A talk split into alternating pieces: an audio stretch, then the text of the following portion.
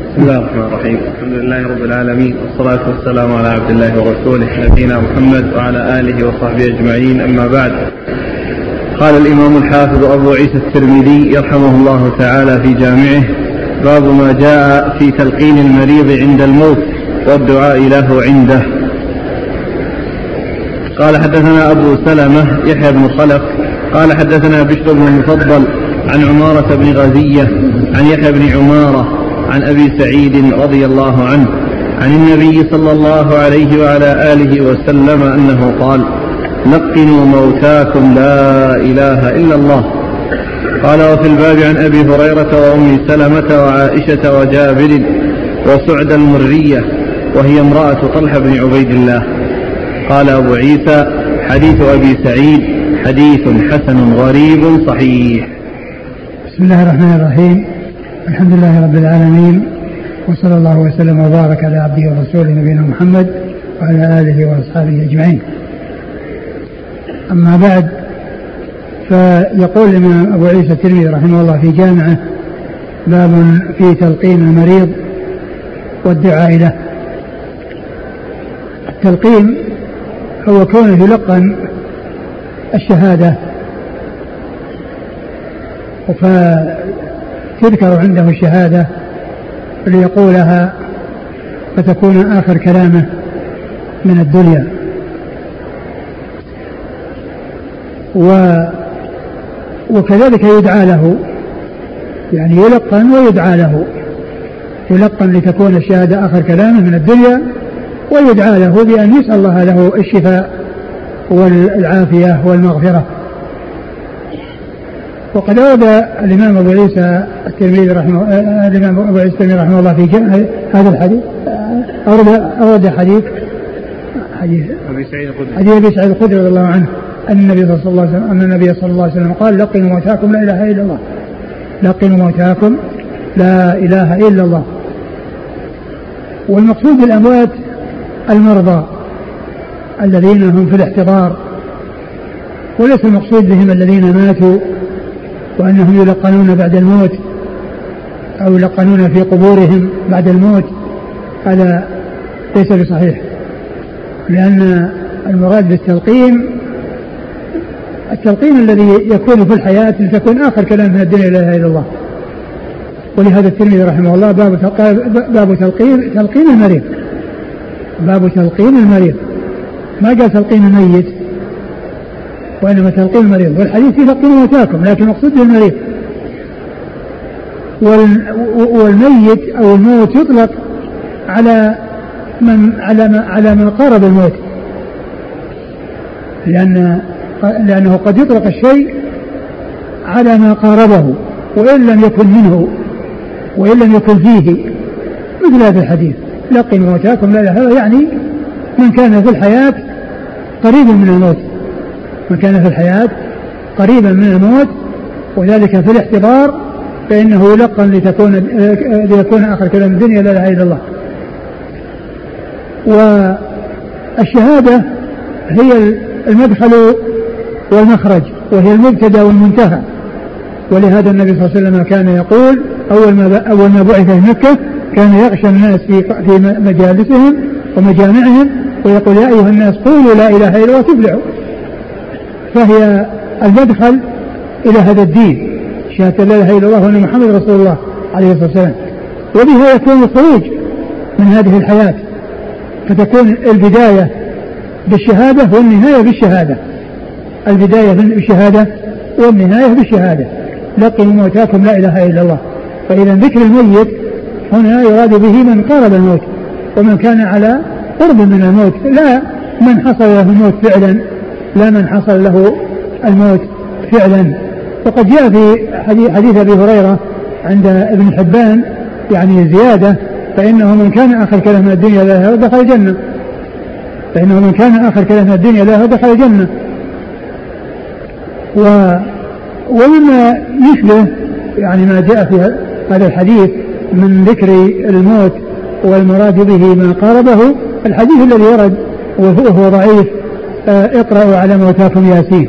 اقرأوا على موتاكم ياسين فإنه لو صح لكان مثل هذا الحديث الذي هو لقن واتاكم لا إله إلا الله. يعني عند الموت وعند الاحتضار.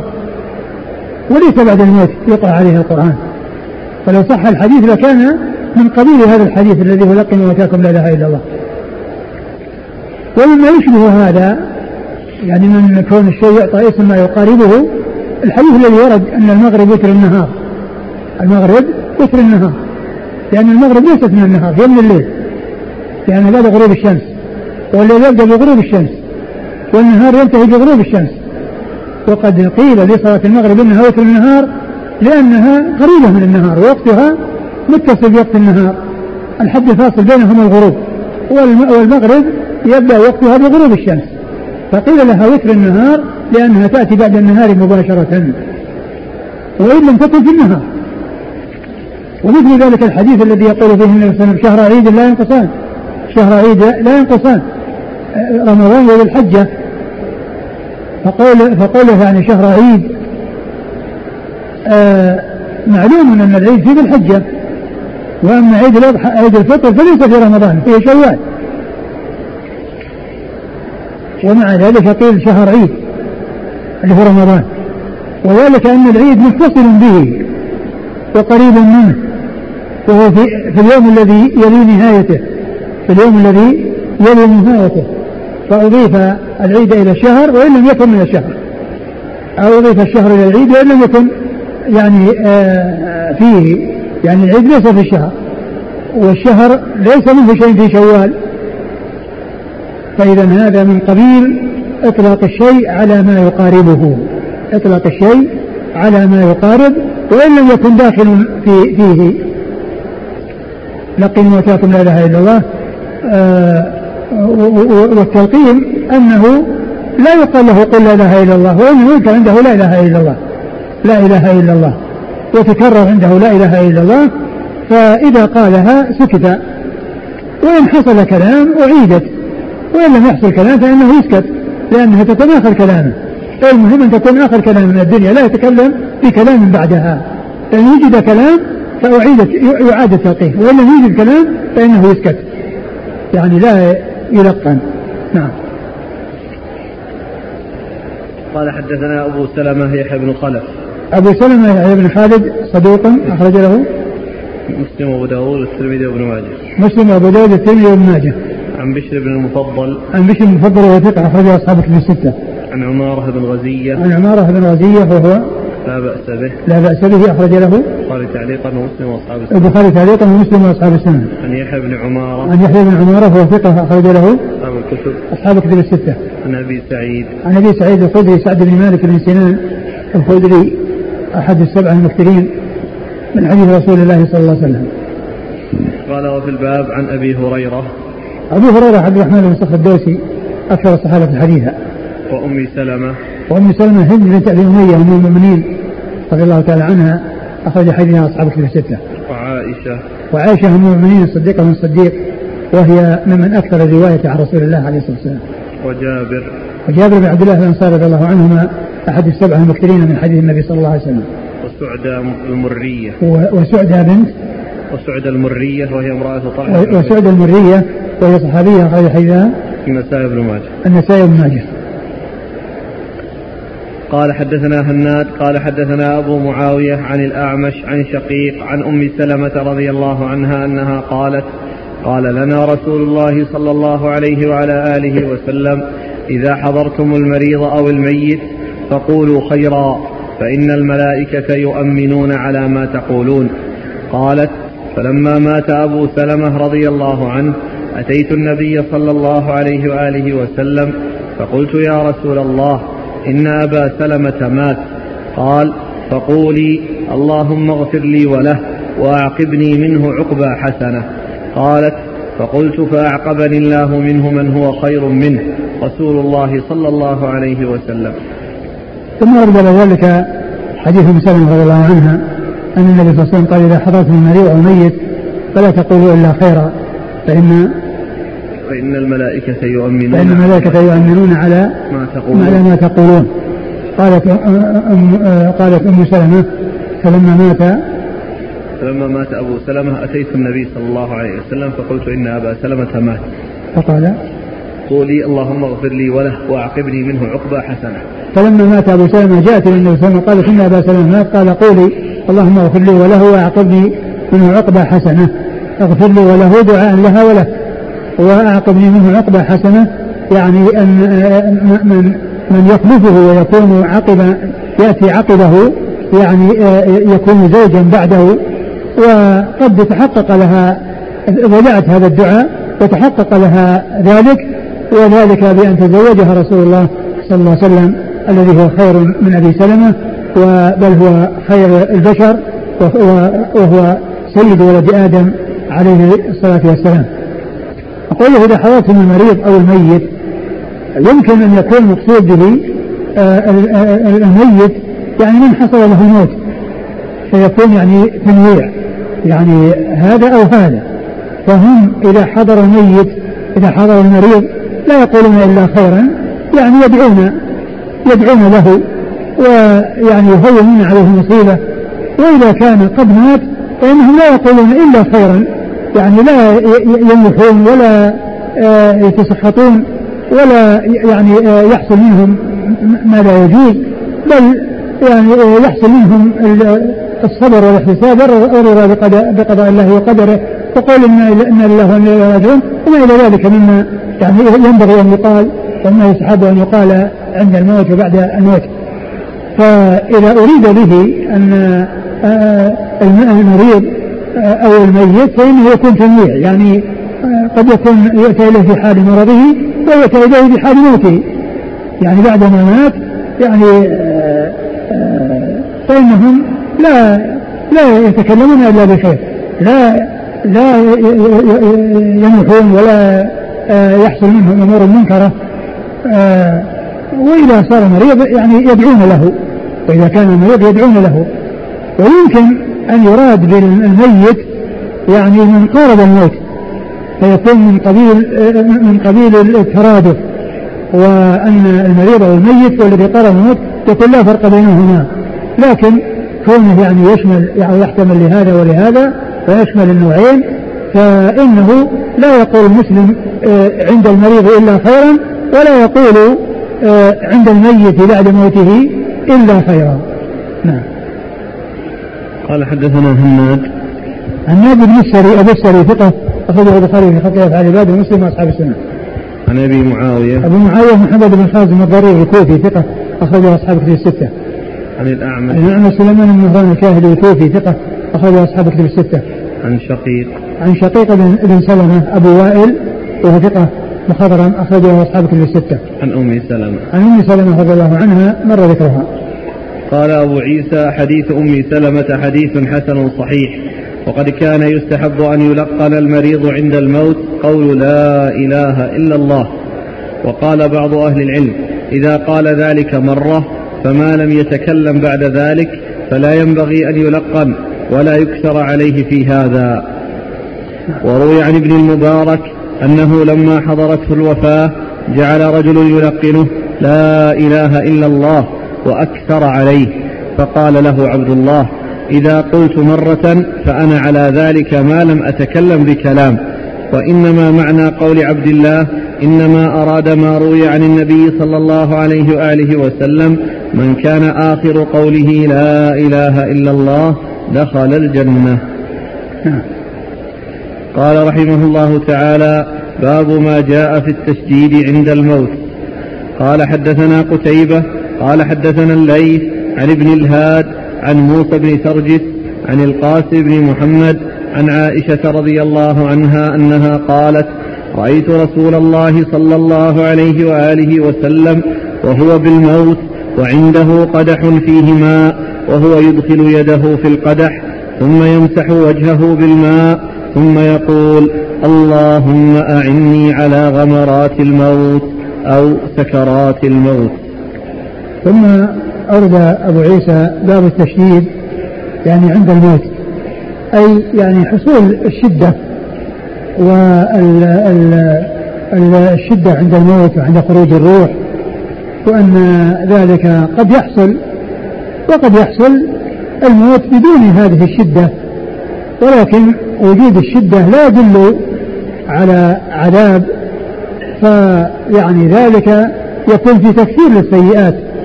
وحط للخطايا والرسول الكريم صلى الله عليه وسلم حصل له شدة. عند الموت وهو خير البشر. وهو سيد ولد آدم عليه الصلاة والسلام.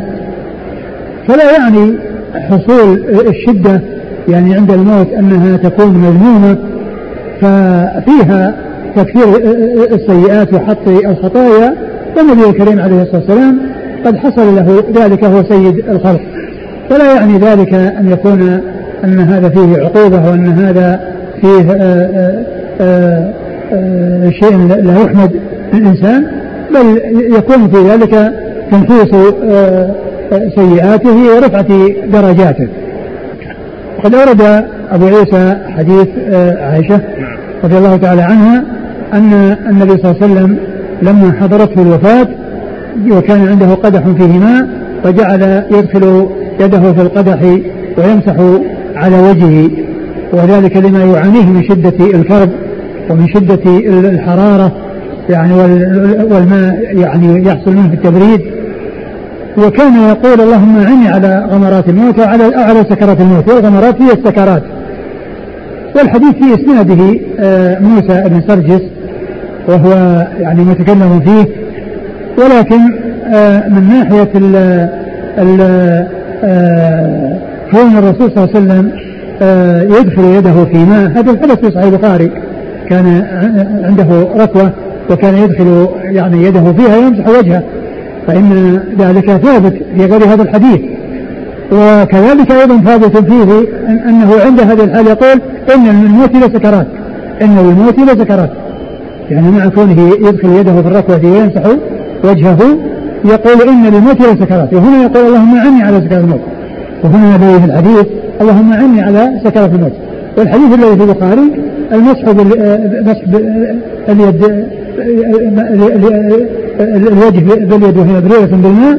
وكونه يقول إن للموت آه، إن للموت لسكرات وهذا يعني فيه يعني ما, ما كان عليه الرسول صلى الله عليه وسلم عند نزع روحه من الشدة ومن آه، يعني آه،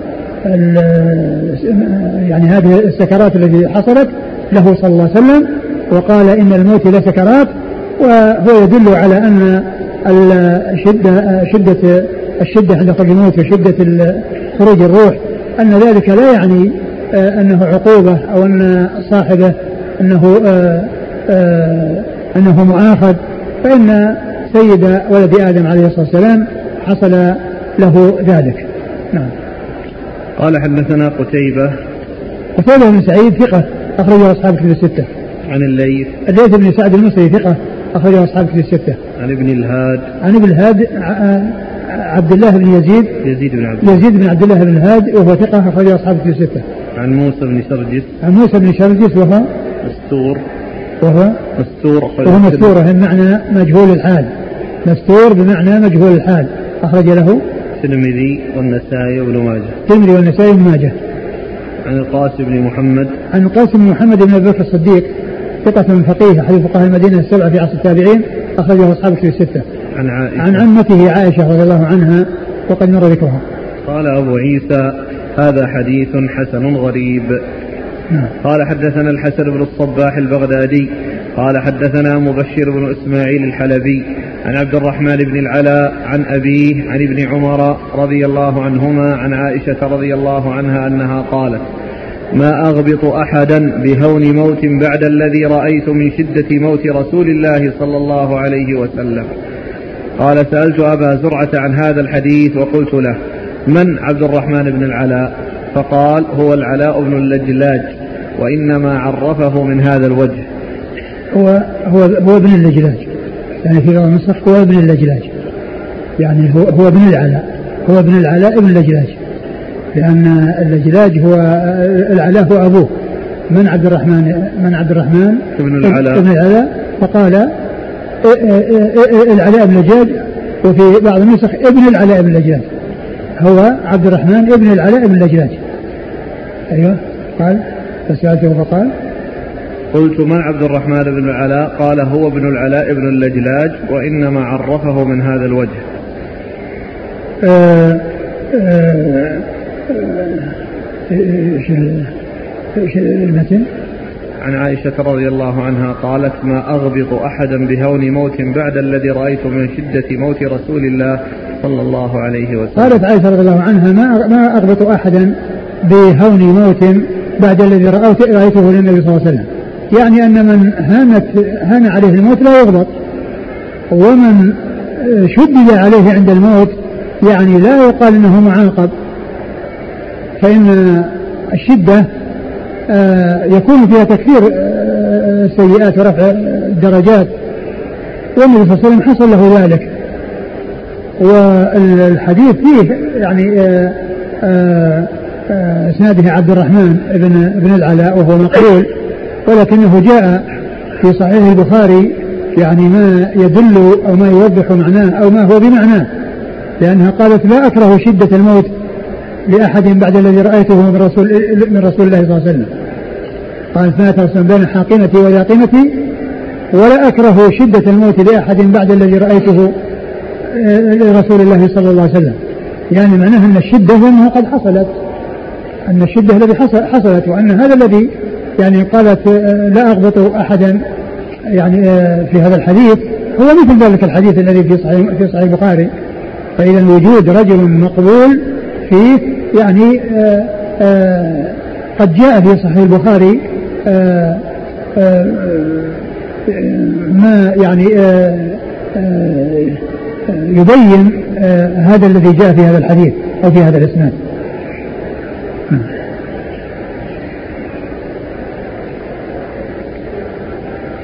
قال حدثنا الحسن بن الصباح البغدادي. الحسن بن الصباح البغدادي هو صدوق يهم أخرجه البخاري وأبو داود والترمذي والنسائي. صدوق يهم أخرجه البخاري وأبو داود والترمذي والنسائي.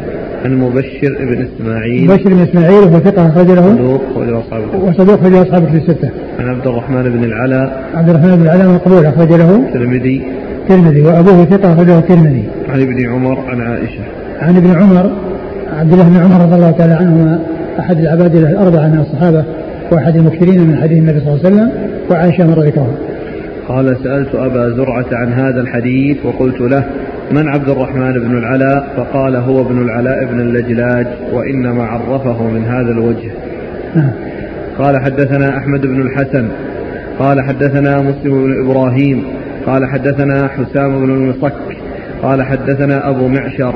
عن إبراهيم عن علقمة قال سمعت عبد الله رضي الله عنه يقول سمعت رسول الله صلى الله عليه وآله وسلم يقول إن نفس المؤمن تخرج رشحا ولا أحب موتا كموت الحمار.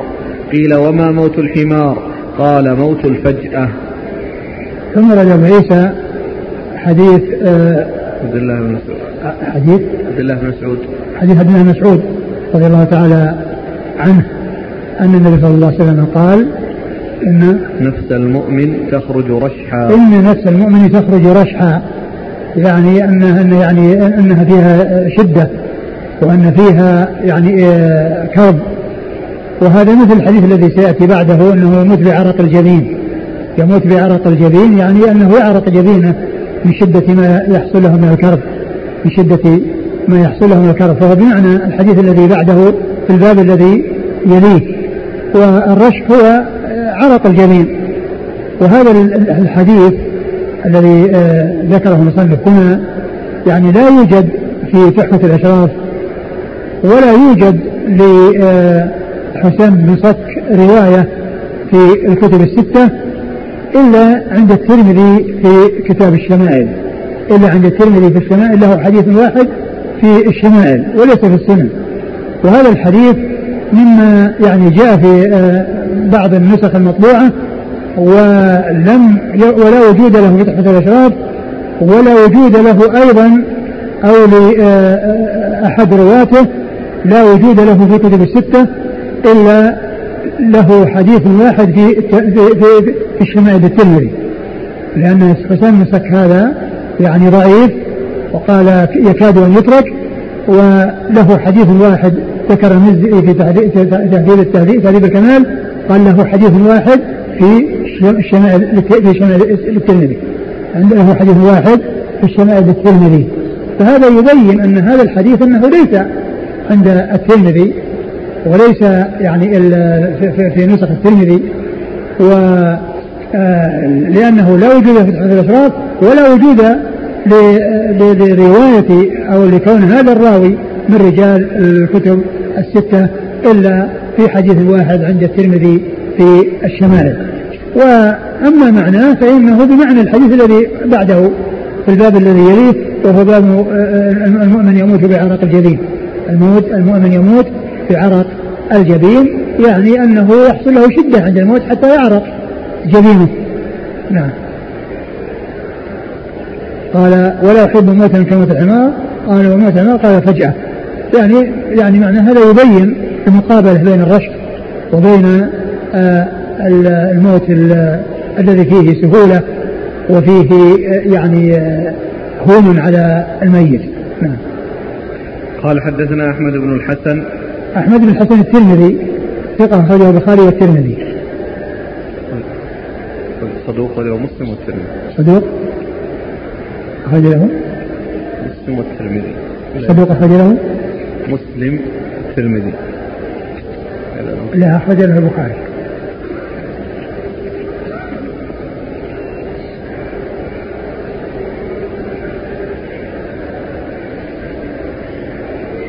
لكن أنا اللي وجدته في ترجمة هذا الثاني ليس الأول.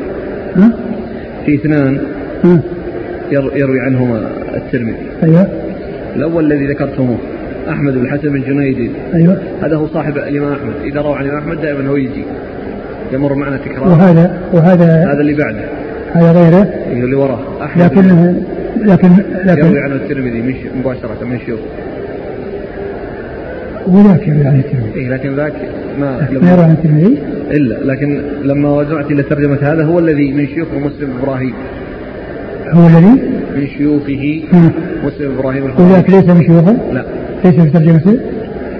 ليس في ترجمته من شيوخه؟ لا الأول هذا اللي هو اللي له رواية في البخاري؟ لا آه اللي يروي عن الإمام أحمد نعم أيوه وش وش وجدت الثاني؟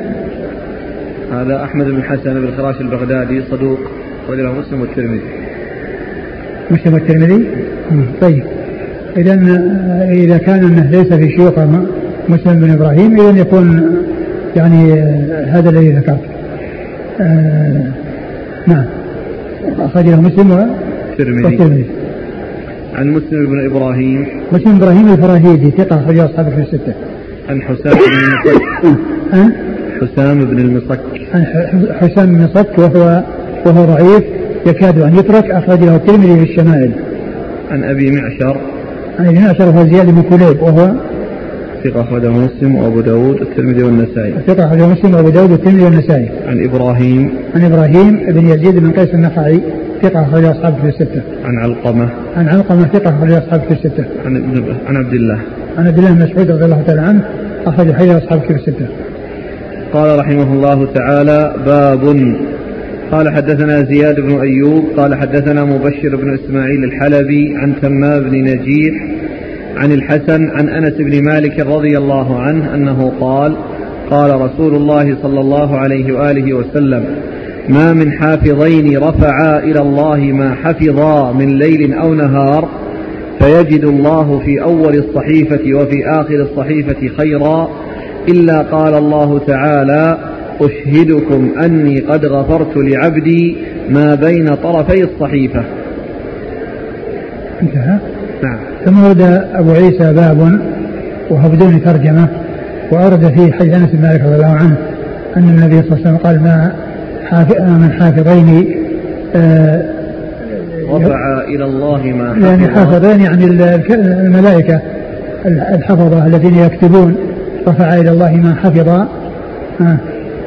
من ليل أو نهار فيجد الله في أول الصحيفة وفي آخر الصحيفة خيرا إلا قال الله تعالى أشهدكم أني قد غفرت لعبدي ما بين طرفي الصحيفة إذا كان في أول الصحيفة خيرا وفي آخرها خيرا قال الله عز وجل أشهدكم أني قد غفرت له ما بين طرفيها.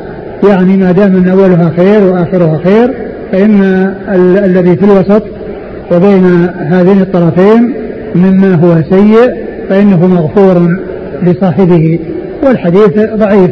في إسناده من هو متكلم فيه. نعم. قال حدثنا زياد بن أيوب. زياد بن أيوب ثقة أخرجه مسلم. بخ... لا البخاري وأبو داود البخاري وأبو داود والترمذي والنسائي. عن مبشر بن إسماعيل الحلبي مر ذكره. عن تمام بن نجيح. عن تمام بن نجيح هذا ضعيف. ضعيف. أخرج له البخاري في رفع اليدين وأبو داود والترمذي. البخاري في رفع اليدين وأبو داود والترمذي. عن الحسن. عن الحسن بن أبي الحسن ثقة. أخرجه أصحاب في الستة. عن أنس.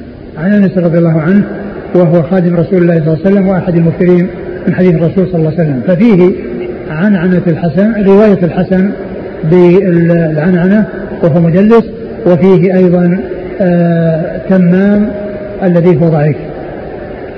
قال رحمه الله تعالى باب ما جاء أن المؤمن يموت بعرق الجبين.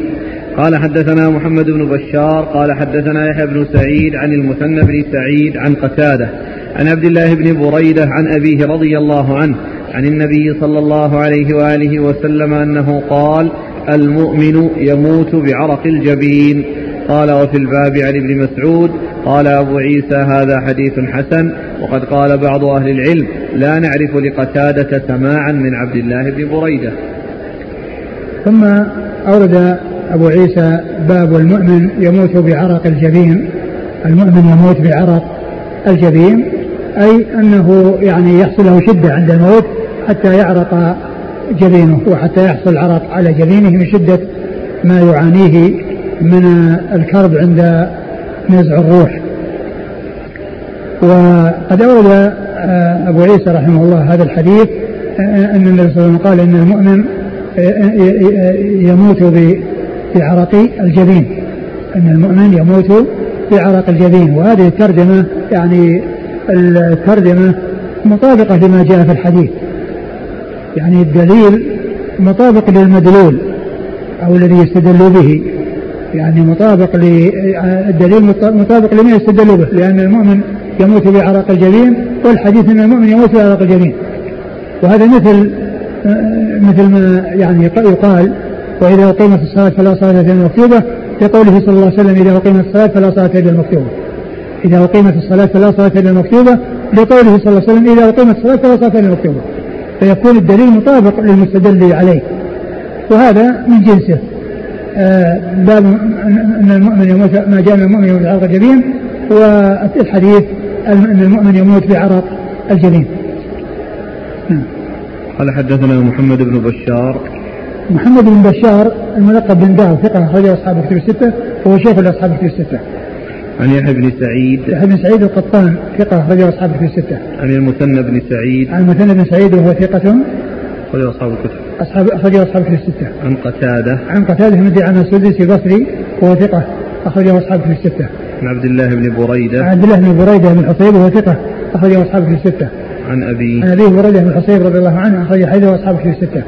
قال وفي الباب علي بن مسعود قال أبو عيسى هذا حديث حسن وقد قال بعض أهل العلم لا نعرف لقتادة سماعا من عبد الله بن بريدة وهذا التعليل في الحديث أنه لا يعرف لقتادة سماع من من من عبد الله بن بريدة وقد حسن الحديث فإن له يعني يعني طريق أخرى إلى عبد الله مبارك يعني ليس في ليس من طريق قتادة.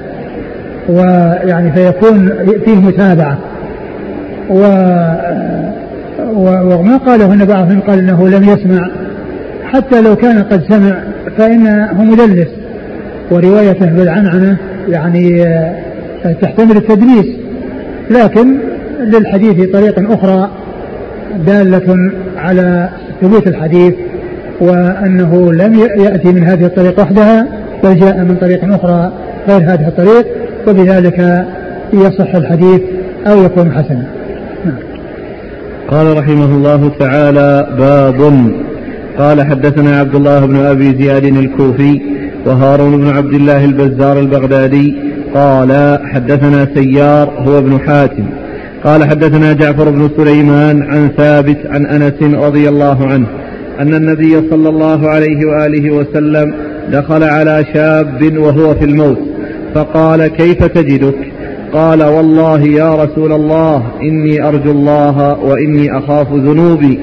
فقال رسول الله صلى الله عليه وآله وسلم لا يجتمعان في قلب عبد في مثل هذا الموطن إلا أعطاه الله ما يرجو وآمنه مما يخاف. ثم عيسى هذه الترجمة هي باب ورد تحتها يعني هذا الحديث عن النبي صلى الله عليه وسلم أنه دخل أنه جاء إلى شاب يعني يزوره فقال كيف تجدك؟ يعني كيف حالك؟ فقال إني أرجو رحمة ربي وإني, وإني أخاف ذنوبي. فقال ما اجتمعت؟ يعني ما اجتمع هذان آه، في مؤمن في مثل هذا الحال إلا إلا غفر الله له ذنوبه. إلا أعطاه الله ما يرجو وآمنه. إلا أعطاه الله ما يرجو وآمنه مما يخاف. يعني فكونه يرجو الله يرجو رحمة الله ويخاف ذنوبه يعني يكون خائفا راجيا يجمع بين الخوف والرجاء. وهذا شأن المؤمنين يجمعون بين الخوف والرجاء. وقد قال بعض أهل العلم إن الخوف والرجاء للمؤمن كالجناحين للطائر. لا بد منهما جميعا. وإذا اختل أحدهما فإن ذلك يؤثر كما أن الجناحين للطائر. إذا اختل أحد الجناحين فإن الطائر لا يستطيع الطيران ولا يتمكن من الطيران إلا بسلامة الجناحين. وكذلك المسلم والمؤمن يعني بجمعه بين الخوف والرجاء يعني يكون أخذ أو أتى بما هو مطلوب منه وكونه كونه يرجو رحمة الله ويخاف عقابه فيجمع بين الخوف والرجاء. لا يغلب جانب الخوف فيأمن من مكر فيقنط من رحمة الله ولا يغلب جانب الرجاء فيأمن من مكر الله وإنما يكون جامعا بين هذا وهذا. كما قال الله عز وجل والذين يؤتون ما آتوا وقلوبهم وجلة أنهم إلى ربهم راجعون. وهم يجمعون بين الأمرين. لا يغلبون جانبا على جانب. وقد قال بعض أهل العلم أن الإنسان في حال يعني احتضاره وفي حال كونه يغلب جانب الرجاء أولى من أن يغلب جانب الخوف وأنه قد يحصل له إذا يعني يعني إذا اشتد به الخوف قد يغلب جانب الخوف فيحصل له القنوط من رحمة الله عز وجل ولكنه يكون جامعا بين الخوف والرجاء وقد قال بعض العلم أنه في حال الاحتضار يغلب جانب الرجاء على جانب الخوف. نعم. قال حدثنا عبد الله بن أبي زياد الكوفي. عبد الله بن الحكم بن أبي زياد الكوفي هو صدوق أبو داود والترمذي بن ماجه. آه صدوق هو عبد الله بن الحكم. صدوق خرجه أبو داود والترمذي وابن أبو داود والترمذي وابن ماجه. وهارون بن عبد الله البزار. وهارون بن عبد الله البزار الحمال وهو وهو ثقة أخرجه مسلم وأصحاب السنن عن سيار هو ابن حاتم. السيار صدوق يهم أخرج له. الترمذي والنسائي بن ماجه. الترمذي والنسائي بن ماجه. عن جعفر بن سليمان. عن جعفر بن سليمان. صدوق أخرجه البخاري في الأدب المفرد ومسلم وأصحاب السنن. أخرجه البخاري في الأدب المفرد ومسلم وأصحاب السنن. وأصحاب السنن. عن ثابت. عن ثابت بن أسلم البناني ثقة أخرجه أصحابه في الستة. عن أنس. عن أنس رضي الله عنه مر ذكره.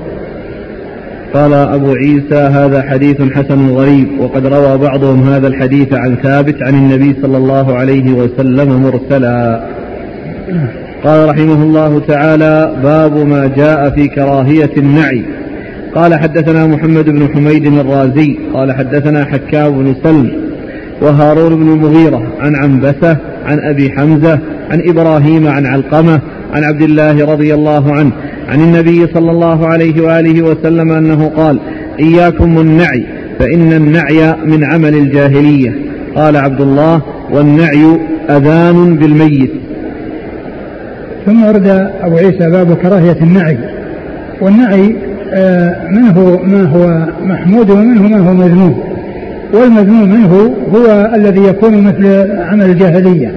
يعني عندما آه، يعني يحصل الموت يعني يركب راكب وينادي يعني آه، بالندب لفلان والنعي لفلان ويعني ذكر محاسنه والاخبار بأنه قد مات. فهذا من أعمال الجاهلية وهذا لا يجوز. وأما إذا كان النعي المراد به الأخبار يعني عن عن موته ل يعني ليصلى عليه أو ليذهب الناس للصلاة عليه يعني آه، بأن يكون يتصل مثلا بأناس ويقال أن أنه سيصلى على فلان والناس يذهبون للصلاة عليه فإن ذلك لا بأس لأن هذا فيه مصلحة وفيه فائدة.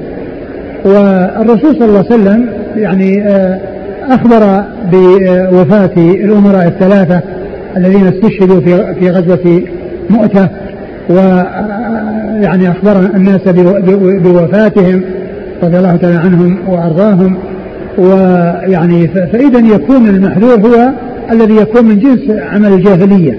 وأما إذا كان ل يعني لمصلحة يعني لا ينادى يعني آه، مثل ما يفعل الجاهلية. ولكن كون مثلا إمام يعني آه، يخبر بأن أن المسجد الفلاني فيه جنازة سيصلى عليها يعني الآن أو بعد العصر أو بعد صلاة العصر حتى يذهب الناس آه، ويكثر ما يصلون هذا لا بأس به.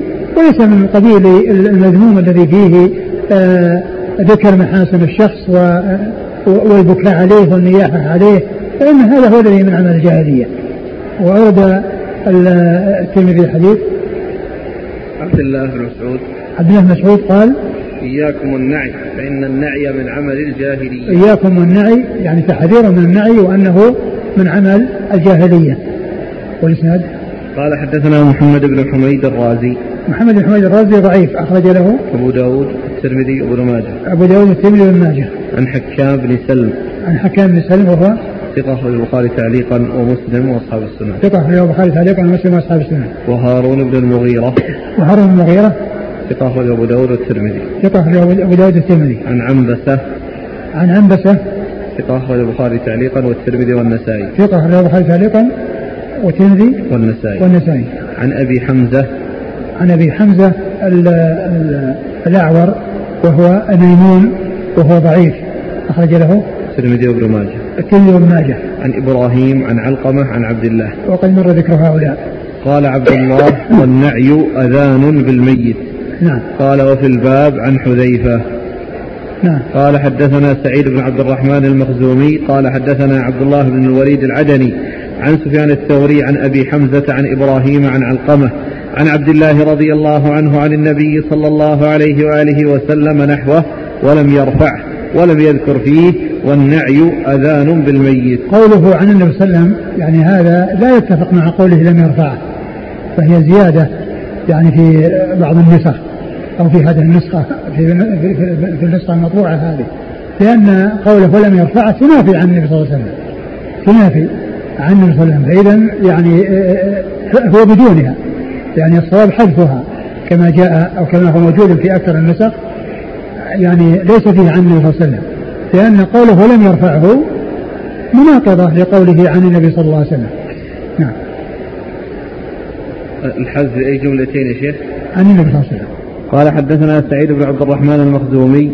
هو صدوق أخرج له. ثقة أخرج الترمذي والنسائي. ثقة أخرج الترمذي والنسائي. عن عبد الله بن الوليد العدني. عبد الله بن الوليد العدني هو؟ صدوق ربما أخطأ أخرج البخاري تعليقا وأبو داود والترمذي والنسائي. آه صدوق ربما أخطأ أخرجه البخاري تعليقا وأبو داود والترمذي والنسائي. عن سفيان الثوري. عن سفيان بن سعيد مسروق الثوري ثقة فقيه أخرجه أصحاب في الستة. عن أبي حمزة عن إبراهيم عن علقمة عن عبد الله. نعم مر ذكره. قال أبو عيسى وهذا أصح من حديث عنبسة عن أبي حمزة وأبو حمزة هو ميمون الأعور وليس هو بالقوي عند أهل الحديث. قال أبو عيسى حديث عبد الله حديث حسن غريب وقد كره بعض أهل العلم النعي والنعي عندهم أن ينادى في الناس أن فلانا مات ليشهدوا جنازته. وقال بعض أهل العلم لا بأس أن يعلم لا بأس أن يعلم أهل قرابته وإخوانه. وروي عن إبراهيم أنه قال لا بأس بأن يعلم الرجل قرابته.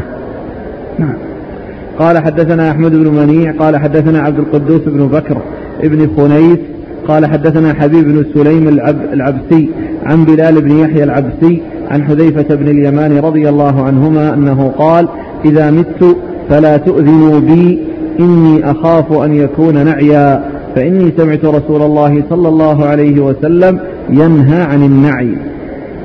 ثم أورد أبو عيسى حديث حذيفة رضي الله عنه قال إذا مت فلا تؤذنوا بي فإني أخشى أن يكون نعيا لأن النبي صلى الله عليه وسلم كان ينهى عن النعي. ومعلوم أن النعي هو الذي يعني مذموم هو الذي يكون من عمل الجاهلية. وأما إخبار يعني آه، إخبار بعض الناس بوفاته بوفاة الشخص ليحضر ليصلى عليه فإن هذا فيه مصلحة وليس فيه مضرة. قال حدثنا أحمد بن منيع. أحمد بن منيع ثقة أخرجه أصحاب الكتب. عن عبد القدوس بن بكر. هو؟ لا بأس به. لا بأس به أخرج له. الترمذي وابن ماجه. الترمذي وابن ماجه. عن حبيب بن سليم. عن حبيب بن سليم هو؟ مقبول. أخرجه الترمذي وابن ماجه. مقبول في الترمذي وابن ماجه. عن بلال بن يحيى. عن بلال بن يحيى. بلال بن يحيى. صدوق. صدوق أخرج له البخاري المفرد وأصحاب السنة. البخاري في المفرد وأصحاب السنة. عن حذيفة بن اليمان. عن حذيفة بن اليمان رضي الله تعالى عنه. وهو صحابي ابن صحابي آه، أخرج الحديث أصحاب الكتب الستة. والحديث له شاهد. والحديث له يعني شاهد يتقوى به هذا المقبول.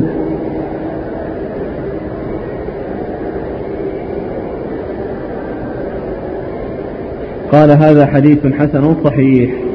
قال رحمه الله تعالى باب ما جاء أن الصبر في الصدمة الأولى. قال حدثنا قتيبة قال حدثنا الليث عن يزيد بن أبي حبيب عن سعد بن سنان عن أنس رضي الله عنه أن رسول الله صلى الله عليه وآله وسلم قال الصبر في الصدمة الأولى. قال أبو عيسى هذا حديث غريب من هذا الوجه. نعم. قال حدثنا محمد بن بشار قال حدثنا محمد بن جعفر عن شعبة عن ثابت البناني عن أنس بن مالك رضي الله عنه عن النبي صلى الله عليه وآله وسلم أنه قال الصبر عند الصدمة الأولى قال هذا حديث حسن صحيح ثم أبو عيسى باب الصبر عند الصدمة الأولى أي الصبر إنما يحصل عند المفاجأة بالخبر أول ما يصل الخبر للإنسان ووقعه شديد عليه فإن الصبر يكون يعني في هذا الحال. أما إذا يعني مضى الزمان أو مضى مدة على وصول الخبر إليه فإنه لا بد أن يسلو. لن يستمر ولن يدوم على هذا الحزن وعلى هذه المصيبة. ولكن الصدمة الأولى هي التي يكون عندها الصبر أو عدم الصبر. وإلا فإن بعد مع مرور الأيام سيسير كما تسير البهائم لا بد أن يحصل السلوان.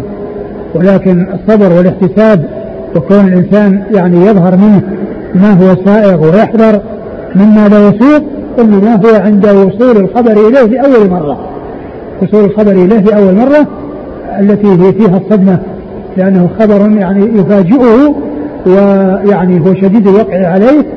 فإذا صبر فهذا هو مكان الصبر وهذا موضع الصبر وبعد ذلك لا بد وأن يسلو ولن يستمر على حزنه دائما وسيحصل له السلوان وإذا فالصبر في الحقيقة إنما يكون عند الصدمة الأولى. نعم. قال حدثنا قتيبة عن الليث. نعم. عن يزيد بن أبي حبيب. يزيد بن أبي حبيب ثقة أخرج أصحاب في الستة. عن عن سعد بن سنان.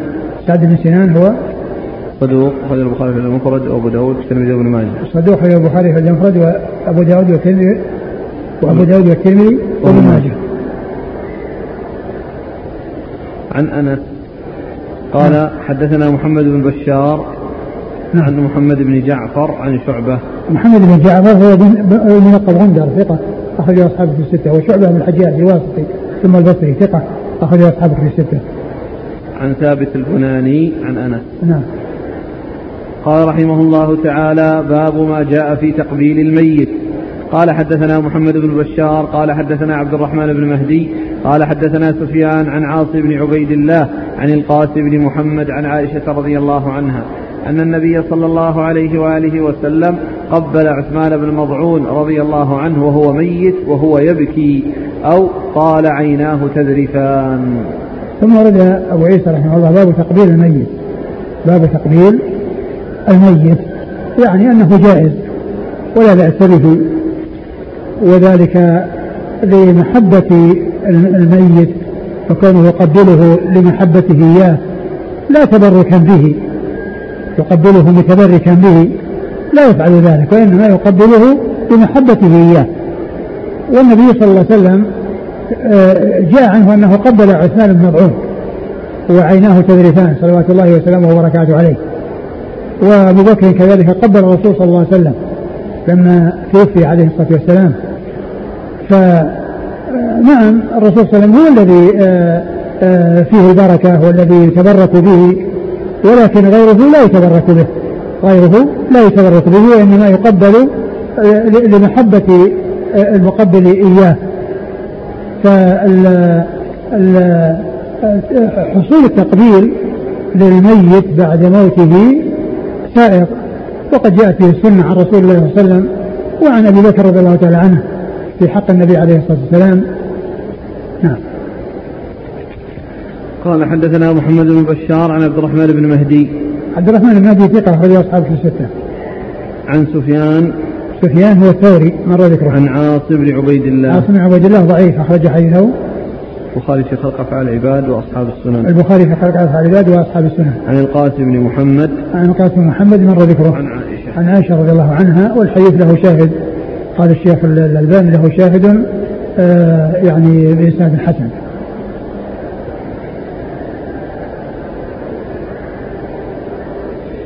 قال وفي الباب عن ابن عباس وجابر ابن عباس عبد الله بن عباس ابن عبد المطلب بن عم النبي صلى الله عليه وسلم أحد العبادلة وأحد السبع المكثرين من حديث رسول الله صلى الله عليه وسلم. وجابر وعائشة. نعم. قالوا إن أبا بكر أبا بكر رضي الله عنه قبل النبي صلى الله عليه وسلم وهو ميت نعم. قال أبو عيسى حديث عائشة حديث حسن صحيح نعم. قال رحمه الله تعالى باب ما جاء في غسل الميت والله تعالى أعلم وصلى الله وسلم وبارك على نبينا رسوله نبينا محمد وعلى آله وأصحابه أجمعين. جزاكم الله خيرا وبارك الله فيكم ونفعنا الله بما قلتم وغفر الله لنا ولكم وللمسلمين أجمعين.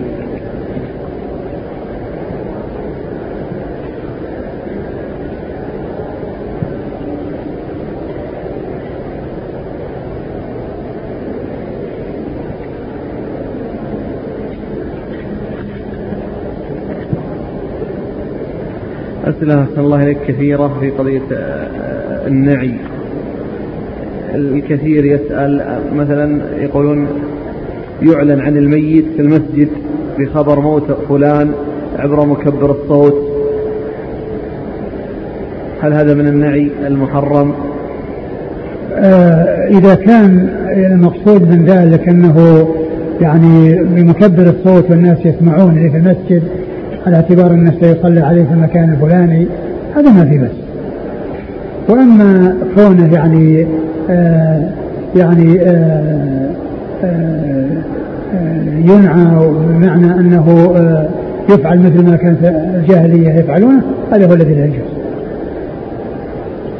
وهذا يقول هل نشر اسم الميت ووقت جنازته ومكانها في الجرائد من أجل حضور من يعرفه ممن لا يمكن الاتصال به هل هذا من النعي؟ هذا أقول هذا أقول يعني آه، قضية آه، كون المكان آه، يعني الاستقبال هناك أو الزيارة هناك يعني لا ينبغي لأن هذا دعوة وإخبار للناس يعني بالاجتماع للتعزية فلا يعني يصلح يعني مثل هذا بل التعزية لا تكون في مكان معين تكون في المسجد وتكون في المقبرة وتكون في الطريق وتكون في أي مكان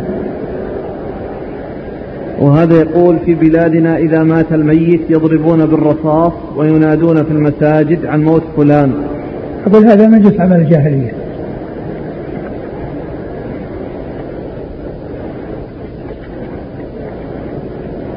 وهذا يقول عندنا في البلاد ينعون الميت في التلفاز. يسوون؟ ينعون الميت في التلفاز.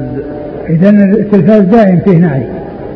يعني الأموات يعني يعني دائما يعني يحصل الموت فإذا التلفاز ما له شغل إلا النعي. وهذا يقول بعد كل صلاة فريضة في المسجد يقولون إن هناك صلاة جنازة في مقبرة كذا وكذا. المقابر ما يصح أن تكون أماكن للصلاة وإنما تكون الصلاة على الجنازة في المساجد أو في الأماكن المخصصة لها خارج المقبرة. المخصصة لها خارج المقبرة. ولكن قضية آه، آه، آه، إخبار يعني أئمة المساجد عن وجود جنازة يصلى عليها في المسجد الفلاني هذا لا بأس به لأن هذا فيه يعني تحصيل الأجر للحي والميت. الميت يكثر الشافعون له والمصلون عليه والحي يؤجر لكونه شهد الجنازة وصلى عليها وأيضا قد يتبعها حتى تدفن فيكون بذلك حصل الأجر الذي قال عنه الرسول صلى الله عليه وسلم من صلى على الجنازة فله قراط ومن تتبعها تبعها حتى تدفن له قراط قال وما قراط قال مثل جبل أحد ففي ذلك المصلحة للحي والميت. هل سكرة الموت تصيب المسلم على قدر إيمانه كما أصاب رسول الله صلى الله عليه وسلم من شدة السكرات؟ لا لا نعلم يعني هل أن يعني الناس يعني يحصل لهم وأن لأن قد يكون من قد يكون من المؤمنين من لا يحصل له سكرات قد قد يحصل له ذلك. لا يقال ان أن كل من كان مؤمنا أنه يعني يحصل له شدة فقد يحصل له سهولة. وهذا يقول هل الطفل والشهيد كذلك ممن يحصل عليهم سكرات الموت؟ نعم الطفل يعني كما هو معلوم يعني من ناحية خروج ريحه. خروج روحه يعني قد يحصل له يعني شدة وقد يحصل له يعني كرب. هذا قد يحصل. والشهيد يعني كما هو معلوم يعني قد يعني يكون يعني يكون فجأة هكذا وقد يصيبه يعني يعني شدة ألم وشدة يعني كذا عند خروج روحه. ولكن كما هو معلوم آه، الشدة لا تعني آه، عقوبة. والهون لا يعني آه، سلامة ورفع الدرجة. هل يزاد في التلقين بأن يقال لا قل لا إله إلا الله محمد رسول الله؟ نعم ذكر بعض أهل العلم أن المطلوب هو الشهادتين وأن وأن ذكر إحداهما أنه آه، تدخل معها الأخرى. ومعلوم أن الإنسان إذا قال لا إله إلا الله فإن آه، فإنه يعني يذكر كذلك يعني آه، شهادة الرسول صلى الله عليه وسلم في الرسالة ذكر الشارح أن الأمر في قوله لقنوا للندب فما هو الصارف جمهور العلماء كما قال الشارح أنه للندب. ما أعلم يعني وش هذا لكن يعني مثل هذه الأمور من ال ال التلقين والعيادة عيادة المريض وتلقينه. وتلقين المحتضر يعني كلها من الأخلاق والآداب التي يعني ينبغي أن تكون يعني آه، آه، للمريض والمحتضر. فما أعلم يعني يعني ما أتذكر يعني الشيء الصارف لكن آه، العيادة والتلقين هي من باب واحد.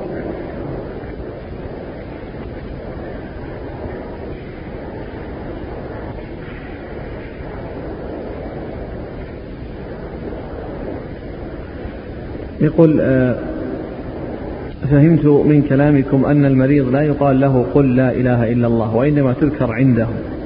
فكيف يجمع بين ما حصل من النبي صلى الله عليه وسلم حيث قال لأبي طالب قل يا عم قل لا إله إلا الله. آه، آه، كونه يعني إذا حصل أنه ذكر اسم الله عنده وقيل لا إله إلا الله عنده فإنه حصل المقصود. قد حصل المقصود. وإذا كان أنه يعني ما حصل أنه شو ذكر الله عنده وقيل له الله عنده ولم يحصل فقال له قل لا إله إلا الله. لكن إذا تحقق بدون أن يقال له حصل المقصود. جاء في حديث البراء بن عازب الطويل أن روح المؤمن تخرج كما تخرج القطرة من في السقاء. هذا هل يدل على السهولة؟ وبالتالي قد يكون ظاهره مخالفة ما جاء من شدة الموت وسكرات لا يعني آه هذا من ناحية الكافر من ناحية العذاب لأن فيه عذاب. وأنه يرى يعني آه، ملائكة خروج الروح انه يعني انه يعني تريد الخروج لأنها آه، تريد أن تصل إلى النعيم الذي أعد الله له. فهي آه، يعني مسؤولة خروجها. وأما الذي جاء في الحديث يعني شدة الخروج. وأنه يعني يحصل هناك يعني كرب ويحصل هناك مصيبة. لكن هذا في من من حيث آه، استسلامها وانقيادها والرغبة في الخروج من أجل أنها تحصل الثواب. وأما تلك التي آه، تريد أن لا تخرج فتعذب حتى تخرج آه، لأنها تجد يعني ما أمامها من العذاب. ولهذا جاء في الحديث عند مسلم في صحيحه وهو أول حديث في كتاب الزهد الدنيا سجن مؤمن وجنة الكافر. الدنيا سجن مؤمن وجنة الكافر.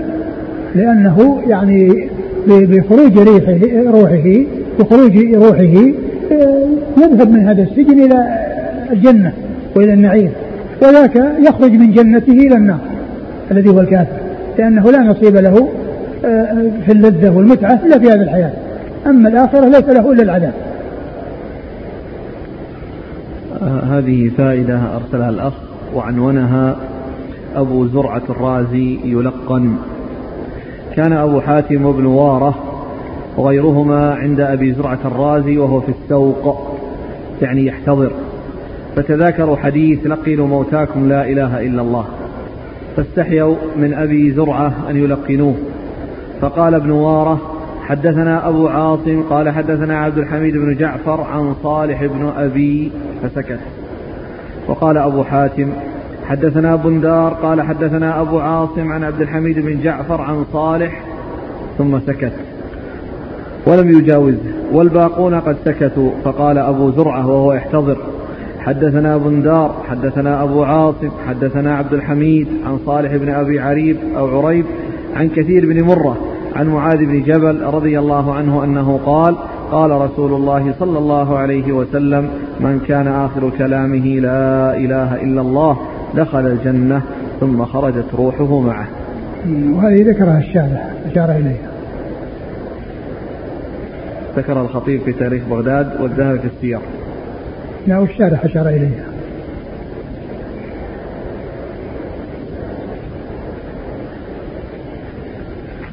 آه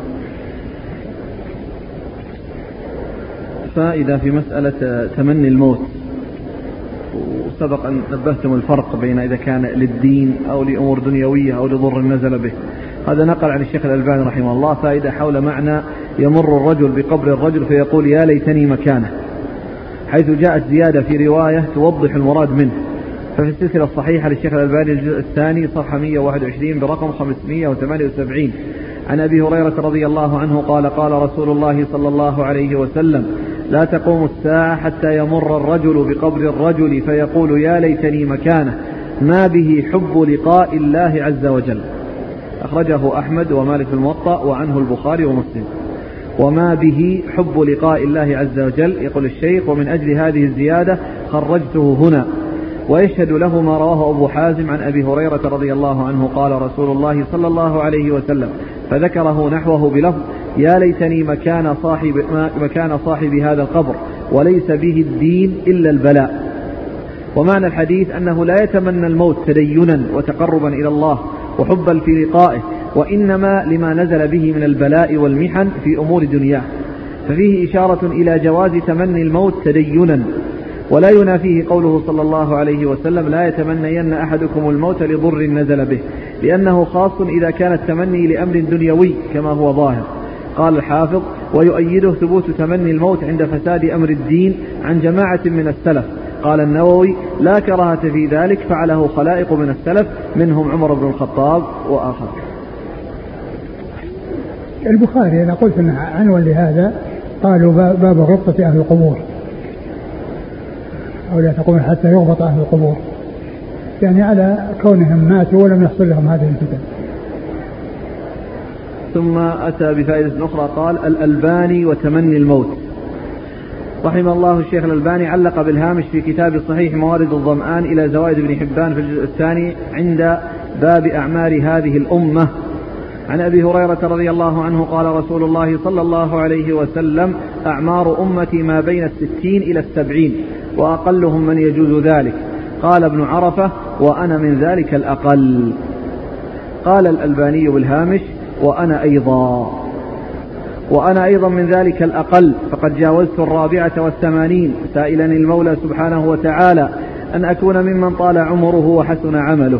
ومع ذلك فإني أكاد أتمنى, أتمنى الموت. لما أصاب المسلمين من الانحراف عن الدين والذل الذي نزل بهم حتى من الأذلين. ولكن حاش أن أتمنى. وحديث أنس ماثل أمامي منذ نعومة أظفاري. فليس لي أن أقول إلا كما أمرني نبي صلى الله عليه وسلم. اللهم أحيني ما كانت الحياة خيرا لي وتوفني إذا كانت الوفاة خيرا لي. وداعيا بما علمنيه عليه الصلاة والسلام. اللهم متعنا بأسماعنا وأبصارنا وقواتنا ما أحييتنا واجعله الوارث منا. وقد تفضل سبحانه فاستجاب ومتعني بكل ذلك.